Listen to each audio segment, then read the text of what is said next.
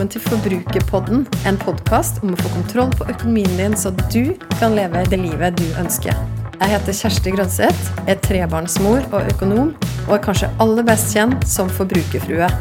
La oss snakke litt om forbruk, for alt starter med det.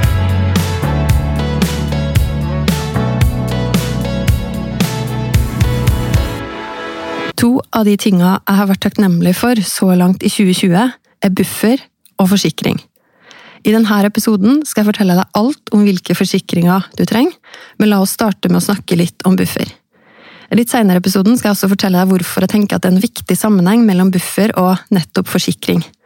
Men hallo, er det én ting de fleste har blitt klar over i dette annerledesåret 2020, og som vi ikke slutter å mase om, så er det viktigheten av å ha en buffer på konto. I slutten av januar i år, før vi visste det vi nå vet, om hvor mye uforutsett som kan skje omtrent fra én dag til det neste, hadde jeg en kampanje på Instagram sammen med spareappen Spiff, som vi kalte Bufferboost, hvor 179 personer deltok ved å sette seg et mål om å spare opp 10 000, eller så mye de klarte opp mot 10 000 før påske. 10 000 kroner på konto er det jeg kaller en krisebuffer, og som jeg mener alle bør ha, uavhengig av økonomi og livssituasjon. I løpet av perioden vi kjørte kampanjen, ble det altså høyaktuelt å ha penger til å møte uforutsette endringer i økonomien. Og noen av de som deltok, opplevde å miste inntektsgrunnlag i akkurat denne perioden. Ei av de, ei kvinne som jobber med, som frilans danselærer, opplevde å miste en del inntekt pga. Av avlyste danseklasser, og sa til meg at det opplevdes som en sykt stor bonus å ha krisebufferen i den perioden. Senest denne uka fikk jeg en melding fra en av dere som sa at mannen hadde blitt syk rett før sommeren, og at krisebufferen kom veldig godt med i en periode hvor han ikke kunne jobbe. Som jeg fortalt tidligere i podkasten, så bestemte vi oss for å selge bilen vår i fjor, en bil som var verdt over 250 000 kroner, og med pengene for salget fylte vi blant annet opp en superbuffer på 150 000. Det tilsvarer ca. tre måneders levekostnader for oss. Da landet stengte ned i mars i år, visste ingen av oss om vi kom til å bli permittert eller miste jobben, og da var det utrolig godt å vite at vi hadde penger på konto som kunne gjøre en sånn situasjon lettere dersom det skulle skje. Ok, men over til det med forsikring. På en liste over de mest inspirerende og sexy temaene som fins, tror jeg forsikringa kommer ganske langt nede. Det oppleves for mange som et uoversiktlig område, potensielt en stor post i levebudsjettet, og noe som krever litt innsats å sette seg inn i. I denne episoden her skal jeg gjøre mitt beste for å hjelpe deg å få litt mer oversikt, og gi noen forslag til hvordan du kan kutte kostnadene dine, men innsatsen den er det faktisk du som må legge ned sjøl. Har du hørt meg snakke om økonomidate før? Jeg anbefaler deg å ha en fast månedlig økonomidate med partneren din, eller med deg sjøl hvis du er singel.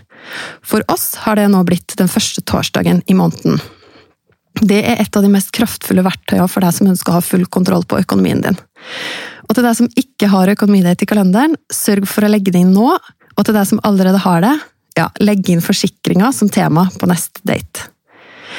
Jeg spurte dere som følger meg på Instagram hvilke spørsmål dere har om forsikring, og det flertallet svarte, og det med forsikring av barn. Er det en nødvendig forsikring? Det spørsmålet har jeg stilt meg sjøl også, så la oss komme tilbake til det og dykke ordentlig ned i den problemstillingen. Jeg har lyst til å starte med en enkel tommefingerregel. Sørg for å forsikre katastrofene i økonomien din, og ikke bagatellene. Det er ganske åpenbart, men det handler om å forsikre deg mot de hendelsene som vil ha katastrofale følger for deg, familien og privatøkonomien. Velg forsikring der det er størst risiko for at du skal bli hardt ramma økonomisk hvis noe skjer. For å bli litt teknisk så består jo risiko av to element, sannsynlighet og konsekvens. Jo høyere risiko, jo større behov har du for å forsikre deg mot det. Hvor stor risikoen er, avhenger av hvor stor konsekvens en hendelse vil ha for deg, og hvor stor sannsynlighet det er for at nettopp det skal skje. Er konsekvensen stor, spiller det mindre rolle om det er veldig lav sannsynlighet for at det skal skje, og da trenger du å forsikre deg mot konsekvensene av denne hendelsen. Dersom du eier en bolig og den skulle brenne ned, er det liten tvil om at det ville blitt en økonomisk katastrofe hvis du ikke var forsikra mot nettopp det.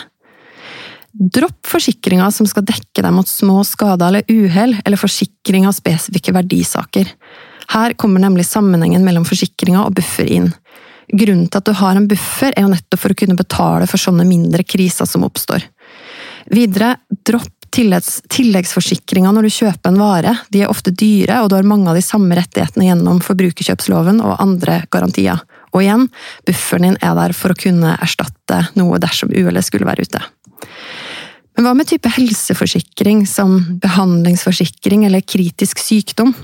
Behandlingsforsikring unngår at du blir stående i helsekø. I velferdsstaten Norge er det i utgangspunktet sånn at det ikke skal være helsekø for de alvorligste sykdommene. Behandlingsforsikring er derfor en forsikring du kan vurdere å droppe, og du bør iallfall se den i sammenheng også med bufferen din. Kritisk sykdom er en forsikring hvor du får utbetalt et beløp raskt etter at du har blitt diagnostisert med en av de alvorlige sykdommene som forsikringen dekker.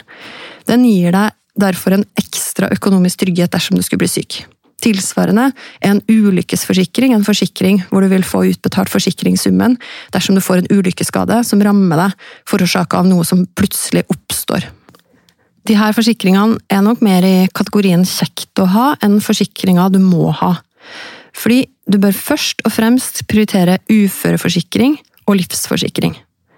Det å miste inntekten, enten fordi du eller partneren blir ufør, eller fordi en av dere faller bort, er noe av det som vil ha aller størst konsekvenser for økonomien. Inntekten din er jo ditt viktigste verktøy for å kunne leve det livet du ønsker. Inntekten din er det som gjør at du kan betale for alle levekostnader, at du har mulighet til å nyte livet, at du kan spare til drømmer, at du kan gi penger til andre, at du kan betale ned gjeld, spare i buffer som gir deg en enda større økonomisk trygghet, og det som gjør at du kan investere langsiktig i din egen og barna dine sin framtid. Hvis du skulle bli ufør, blir inntekten din betydelig redusert. Da vil du i stedet motta uføretrygd, og i 2019 så var ifølge Navs statistikk 10,2% av befolkningen mottakere av uføretrygd. Det tilsvarer nesten 347 000 personer. Uføreforsikring består av to deler. Uførekapital og uførerente, som også kalles uførepensjon.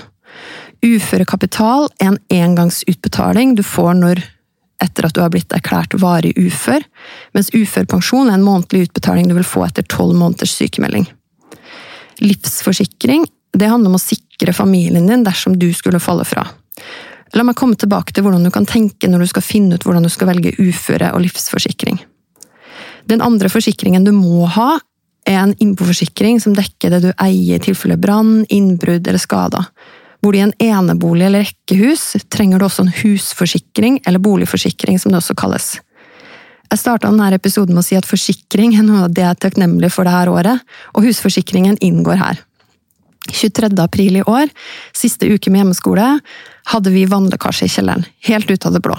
Det var såkalt tilbakeslag fra avløp, som betyr at et eller annet sted i rørsystemet under huset hadde det blitt en propp, som da gjorde at avløpsvannet kom opp i den sluken som mest sannsynlig var den som var nærmest proppen. På badet i kjelleren. Det tok ikke lang tid før store deler av underetasjen var fylt med vann, og fra først ikke forstå helt hva som skjedde, skjønte vi relativt raskt at vi måtte ringe rørleggervakt, som kom og konstaterte proppen, før de igjen måtte ringe en større bil som kunne komme og tømme rørene. De brukte flere timer. Og selvfølgelig ringte vi forsikringsselskapet. Takk og pris for husforsikring i en sånn situasjon. Alt av gulv måtte rives opp for å stå og tørke i flere uker. Veggene måtte beskjæres nederst for å utelukke fukt i veggene, og det tok mange måneder før alt var fiksa. Da de som jobba med å utbedre skaden åpna den ene veggen, fant de fukt i en av bunnsvillene. Ja, hør bare på alle orda jeg har lært meg i denne perioden. Etter litt fram og tilbake ble det klart at det her ikke skyldtes vannlekkasjen, men en lekkasje, en annen lekkasje inn fra utsida på grunn av en liten bit beslag som mangla utenpå huset. Dette var ikke en plutselig oppstått skade, og dermed ikke forsikringssak. Vi priser oss lykkelig for buffer. Og at det her ble oppdaga før det hadde blitt fukt og råte i veggen. Det kunne blitt veldig dyrt, mens regninga for å fikse skaden på utsida kom på rett i overkant av 12 000. Det sies jo at én ulykke kommer sjelden alene, og at de fleste ulykker skjer hjemme. Og det her har vel sjelden vært mer sant for oss enn denne våren. En dag i midten av mai satt jeg på hjemmekontor mens håndverkerne, arbeidet nede i kjelleren, og han ene av de ropte på meg for at jeg skulle komme ned og se på noe. Jeg tok et steg ned i trappa, og så heit han, skulle til å gå videre ned, men i stedet mista jeg totalt fotfeste, du vet sånn som når man sklir på isen, og ramla rett på rumpa flere trinn nedover trappa. Stakkars håndverkeren som så meg i øya hele fallet, spurte skjelvende gikk det bra, hvorpå jeg svarte nei, jeg tror faktisk ikke det. Lang historie kort, det ble sjekk av ambulansepersonell, hjemme hos oss. Jeg slapp å dra til sykehus eller til legevakt. Måtte bestille time hos fastlegen, fikk henvisning til MR og mistanke om mulig brudd i sakrum, dvs. Si korsbeinet, det beinet som sitter helt nederst i ryggsøylen. I Store norske leksikon står det at brudd i korsbeinet kun forekommer ved svært stor påkjenning, og legen min hadde aldri hatt en pasient som hadde opplevd å få et sånt brudd. MR-bildene viste i tillegg en 45 mm stor syste sannsynlig utgående fra den ene eggstokken hos meg, så det ble gynekologtime midten av juni. Sånt skal sjekkes. Undersøkelsen viste heldigvis ikke noe spor av systen, men den serien her av hendelser ble likevel et eksempel på at uforutsette ting, de skjer. Jeg tror aldri jeg gleda meg så mye til en sommerferie noen gang som i år, og da vi satt på flyet til Evenes for å innta Lofoten en uke helt i slutten av juni, var vi takknemlige for alt som faktisk hadde gått bra denne våren. Vi landa på Evenes, helt i henhold til rutetid, og var klare for å stille oss i kø for å hente leiebilen, da vi innså at den ene kofferten vår faktisk ikke kom til å dukke opp. Bort til skranken for å sjekke, og de kunne se at den av en eller annen grunn ikke hadde kommet seg med flyet. Dama bak servicedisken kunne forsikre oss om at han kommer jo iallfall ikke i dag.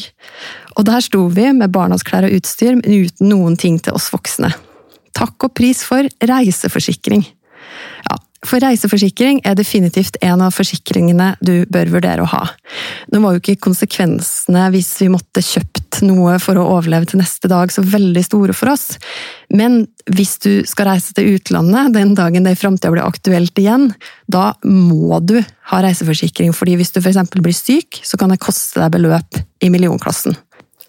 Når det gjelder reiseforsikring, så kan du velge om du skal ha en helårs reiseforsikring, eller en reiseforsikring på en bestemt tur eller per dag osv. Det er ofte veldig liten prisforskjell på de her, og det er egentlig greit å ha en helårs reiseforsikring, fordi den også dekker kortere turer i nærområdet, og når du, egentlig generelt når du beveger deg utenfor hjemmet på fritida. Har du bil, trenger du bilforsikring alle som eier en bil som skal kjøres, må ha det som kalles ansvarsforsikring. Det dekker skader på personer, deg sjøl eller andre. Om du også ønsker å forsikre din egen bil, må du velge delkasko eller kaskoforsikring, og der kan det være store prisforskjeller. Det viktigste her er å tenke på verdien på bilen din. For å ta oss sjøl som eksempel, vi kjører en Nissan Leaf som er verdt rundt 50 000 kroner, så for oss lønner det seg å kun ha delkaskoforsikring. Men hvis du kjører en bil med mye høyere verdi enn det, eller hvis du f.eks. ofte parkerer i et område hvor det er høy sannsynlighet for hærverk eller tyveri, bør du vurdere å ha en kaskoforsikring. Ok, nå har vi snakka om ufør- og livsforsikring, innbo, hus og reiseforsikring. La oss nå snakke litt om barneforsikring. Jeg nevnte tidligere i episoden at det her er det flere av dere som lurer på. Noe av det dere spør om, er om det er nødvendig med en barneforsikring, eller om man kan lene seg på velferdsstaten dersom det skulle skje noe med barna. Og hva dekker egentlig en barneforsikring, og er det verdt prisen? Dersom du vurderer en barneforsikring, vil jeg at du skal sette deg godt inn i hva som tilbys, og at du skal ta et bevisst valg på hva som er riktig i din situasjon. Spør du meg, er det ikke en god nok grunn at naboen din har barneforsikring, eller at en i barselgruppa di mente at barneforsikring det er noe alle bør ha. Cirka halvparten av norske barn er forsikra. Jeg er sjøl blant de som har valgt å ikke ha barneforsikring. Hvis du skal vurdere en barneforsikring, er det for å gi deg sjøl og barnet ditt en ekstra økonomisk trygghet. Hvis barna skulle bli uføre før de har kommet seg ut i lønna arbeid, vil de sitte igjen med svært lite i måneden, og det er det du ønsker å forsikre deg mot. Tilsvarende ønsker du å sikre deg mot å havne i en økonomisk vanskelig situasjon fordi du må ta vare på barnet ditt hvis det blir sykt. Det du skal være klar over, er at det er store forskjeller på hva de ulike barneforsikringene dekker, så jeg anbefaler deg å sette deg godt inn i hva de ulike selskapene tilbyr, opp mot det som er viktig for deg. Hvis du googler grunner til å droppe barneforsikring, vil du finne problemstillinga som at det er lite sannsynlig at man ville fått utbetalt like store summer som forsikringene markedsføres med, at mye allerede vil være dekka av Nav og offentlig helsevesen. At de to hendelsene som fører til at det lønner seg en barneforsikring, er hvis et barn blir erklært medisinsk invalid i en alvorlig grad som f.eks. 50% eller hvis barnet erklæres arbeidsufør når det er 18 år og skaden skjedde før barnet ble myndig. Men at det her vil skje i ytterst få tilfeller. Kilden til den siste uttalelsen var eh, et intervju med redaktør i Finansportalen, Elisabeth Realsen. Hun mener også at den beste forsikringa vi som foreldre kan gi barna våre, er å ha en solid økonomi og være godt forsikra sjøl. Hvis du googler grunner til å velge barneforsikring, og scroller forbi selskapenes egne nettsider hvor de skal selge deg produktet, finner du argument som at det her er en ekstra økonomisk trygghet i tillegg til offentlige støtteordninger, og at en av de viktigste grunnene til å kjøpe en barneforsikring er å forsikre deg mot at barnet skal sitte igjen med en veldig lav uføretrygd dersom det skulle bli ufør i ung alder. Hvis barneforsikring er noe du ønsker å prioritere, bør du velge en som dekker dekke mot både ulykker og sykdom, og altså helst en som i tillegg utbetaler penger ved arbeidsuførhet. I vår familie har vi altså foreløpig landa på å ikke ha barneforsikring, men vi sparer heller av barnetrygda vi får hver måned, og investerer det i aksjefond. Hvis du er i en situasjon der du har mulighet til å vurdere å betale en sum i måneden for en barneforsikring, kan det hende du skal vurdere å investere pengene i stedet, for da bygger du også opp en ekstra økonomisk trygghet for barna dine. Og den vil du jo sitte med uansett om det skulle skje noe eller ikke. Det viktigste poenget mitt med å snakke om barneforsikring sånn som jeg gjør i denne episoden, er at du skal bli inspirert til å gå de rundene du trenger å gå. Gjøre den researchen du trenger vite hvilke alternativ du har, og snakke åpent med partneren din om hva dere ønsker å prioritere. Du har fasiten i ditt liv, og jeg er her for å hjelpe deg til å ta gode valg. Jeg har nevnt flere ganger nå hvor viktig det er å prioritere egen ufør- og livsforsikring. Men her er det også flere muligheter når det gjelder hva forsikringen dekker, og hvilke forsikringssummer du skal velge. Det kan være krevende å finne ut hva du faktisk trenger, og hvilke avtaler som er de beste for deg i din situasjon. I sin natur vil jo forsikringsselskapene også ofte spille på frykt i sin markedsføring, og det kan være vanskelig å vite hvilke råd du skal lytte til.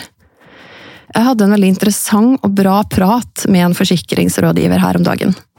Dette var et konkurrerende selskap til det forsikringsselskapet jeg har i dag, og jeg ville sjekke hvilke priser de kunne tilby meg. Vi starta med en gjennomgang av hvilke forsikringer jeg har, og så kom vi inn i en veldig åpen diskusjon rundt det her med dekning på personforsikringene våre. Vi snakka om hvor store økonomiske konsekvenser det ville fått, både for mannen min og meg, hvis en av oss skulle falle fra, og hvor mye vi kan tåle å få redusert inntekten vår ved eventuell uførhet. Praten starta litt sånn Dere må tenke på hvor vanskelig det ville vært å håndtere en sånn situasjon. Og, ja, og uførhet fører dessuten til større sannsynlighet for samlivsbrudd. Jeg tenkte å nei, her skal du prøve å selge meg noe ved å spille på frykt. Hva kan du gjøre i en sånn situasjon for å snu en samtale fra en salgspitch fra forsikringsselskapet til en åpen, rådgivende samtale du faktisk får noe ut av?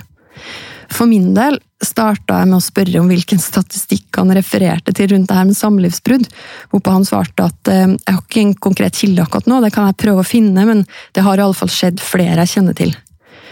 Vis at du har meninger, at du er reflektert og ønsker reelle, gode råd. Videre fortalte han at vi har spart opp en buffer, vi har hatt fokus på å betale ned dyr gjeld, at vi investerer månedlig, og at vi ønsker å betale ned boliglånet i god tid før vi skal slutte å jobbe. Jeg tror det var cirka da det snudde i samtalen, at det gikk fra det å spille på frykt og en følelse av at jeg burde ha full dekning på alle forsikringer, til en fin gjennomgang av hele vår økonomiske situasjon, og hvordan ulike scenarioer ville slått ut for oss. Før du har den typen samtale, er det altså viktig at du har fått oversikt over hvilke forsikringer du har i dag, og start med å finne ut hva du har gjennom arbeidsgiver. Sjekk personalhåndboka hvis du har den lett tilgjengelig, eller spør HR, personalavdelinga, for de vet det. Spør helt til du forstår hva det faktisk betyr, for sånne dokumenter kan være uoversiktlige. Og så tar du med deg innholdet i det her inn i samtalen med forsikringsrådgiveren.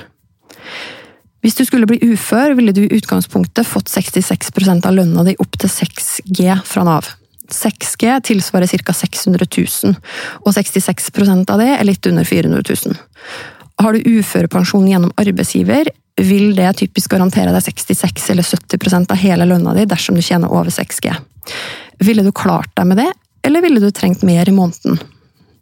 Jeg snakker jo veldig varmt om å bruke kakemodellen min til å regne ut hvor høye levekostnader du har, slik at du hele tida veit hva du trenger å tjene i måneden for å dekke det det koster deg å leve. Dette regnestykket blir jo veldig relevant når du skal regne på om du kunne klart deg på 66% av inntekten din. Ville det blitt lite igjen til å nyte, drømme, gi og sikre? Kunne du kutta noen levekostnader dersom du havna i en sånn situasjon? eller andre deler av kaka. En forsikringsrådgiver ville nok fortalt deg at du trengte en uførepensjon fra rundt 6000 til 7000 og oppover i måneden, i tillegg til det du vil få fra Nav hvis du tjener 500 000 eller mer i året. Det var iallfall den anbefalingen jeg fikk i samtalen. Men igjen, det er du som har fasiten på ditt liv, og det er du som må tenke gjennom hvor mye du hadde klart deg med.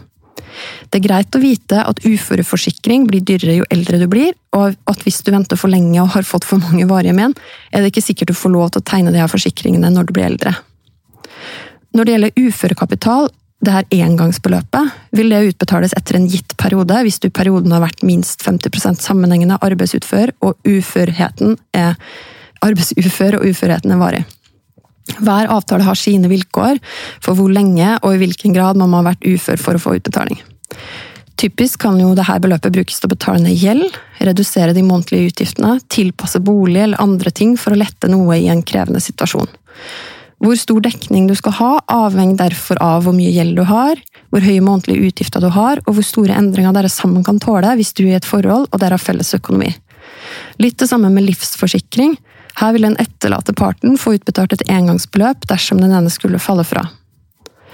Jeg har hørt forsikringsrådgivere som har sagt at du må ha livsforsikring tilsvarende den andelen gjeld du har, men det er ikke nødvendigvis fasiten for alle. Ta praten med partneren din om hvilken situasjon dere ville ønske å være i dersom dette skulle skje, og hvor mye dere er villige til å betale i forsikring i dag for f.eks. at den ene parten skal kunne beholde boligen. Når du nå vet hva du allerede har av forsikringer og dekning gjennom jobb, og har tenkt grundig gjennom hva du trenger basert på din økonomiske situasjon, så er det faktisk noen grep du kan ta for å få så lave kostnader som mulig. For det første, sjekk hvilke muligheter du har til å kjøpe forsikring gjennom medlemskap du har i fagforening eller andre organisasjoner. De her organisasjonene tilbyr ofte det som kalles kollektive forsikringer til sine medlemmer, og de her kan være svært mye billigere og ha en bedre dekning enn individuelle forsikringer. For det andre vil du mest sannsynlig kunne spare på å samle alle forsikringene dine hos ett selskap. Forsikringsselskapene vil gjerne gi en samlerabatt på opptil 20% og du kan på den måten få et bedre tilbud. For det tredje, la de ulike selskapene måtte konkurrere om å få deg som kunde. Sammenlign, vit hvilke alternativ du har, utfordre pris. Sett deg godt inn i vilkårene for de ulike forsikringene, vit hvilken dekning de gir, og se hva som skal til for at forsikringene skal kunne løses ut. På finansportalen.no kan du f.eks. sammenligne priser og vilkår på innboforsikring, husforsikring, reiseforsikring og bilforsikring. Jeg har i tillegg testa to ulike anbudstjenester, forsikringer.no og tjenestetorget.no. De fungerer enkelt og greit ved at du går inn på nettsidene og skriver inn opplysningene om deg sjøl, om hvilke forsikringer du har i dag eller hvilke du ønsker, og så blir du kontakta av ulike selskap. Det er det beste utgangspunktet for å skaffe deg kunnskap og utfordre, slik at du får den beste avtalen. Husk at den viktigste jobben du kan gjøre i forkant av de her samtalene, er å få full oversikt over hvilke dekninger du har gjennom jobb, og reflektere over hvilke forsikringer du og dere trenger når dere ser på hele deres økonomiske situasjon, og hvordan ulike scenarioer ville påvirka økonomien deres. Etter at jeg hadde snakka med rådgiveren fra det første selskapet, kjente jeg meg ganske trygg på hvilke forsikringer og dekninger jeg var ute etter, og dermed bedre rusta til samtale nummer to. Den andre samtalen starta litt som forventa med at rådgiveren tegna et bilde av hva jeg trengte. Men da jeg var tydelig tilbake på hva jeg ønska, svarte vedkommende med ja, et sted må man jo også sette grenser for hvilke forsikringer man trenger. Gå inn i samtalen med trygghet og ro, vær tydelig på din økonomiske situasjon, lytt etter råd og tør å stole på deg sjøl. Hvis du er godt forberedt, da. Og for det fjerde, bli en bevisst forbruker som følger opp prisene på forsikringene dine med jevne mellomrom. F.eks. når du oppdager at forsikringsselskapet du har, kjører kampanjer til nye kunder. Ta en telefon til en rådgiver og be om å få samme tilbud. Legg gjerne inn en påminnelse i kalenderen din om å gå gjennom forsikringene dine en gang i året, både for å sjekke pris og at du har de dekningene du trenger. Gjennom livet vil naturlig nok behovet ditt for forsikring endre seg, så ta en større gjennomgang av hvilke forsikringer du trenger, og med hvilken dekning, når livssituasjonen din endrer seg. Jeg er opptatt av å utruste deg til å kutte levekostnadene dine uten at du trenger å redusere livskvaliteten. Prinsippene er de samme for mye av det du betaler for, om det er boligrente, strøm eller forsikringer. Få oversikt over egen situasjon, skaff deg kunnskap, vit hvilke alternativ du har, og bruk de her til å forhandle pris, både når du inngår nye avtaler og når du har etablert et kundeforhold. Jeg veit hvor mye det betyr for deg når du bare tar ett sånt grep. For det som skjer, er at da får du lyst til å ta enda flere, og til slutt blir du hekta på å få full kontroll på økonomien din. Og når du har full kontroll på økonomien din, det er da du kan leve det livet som du drømmer om.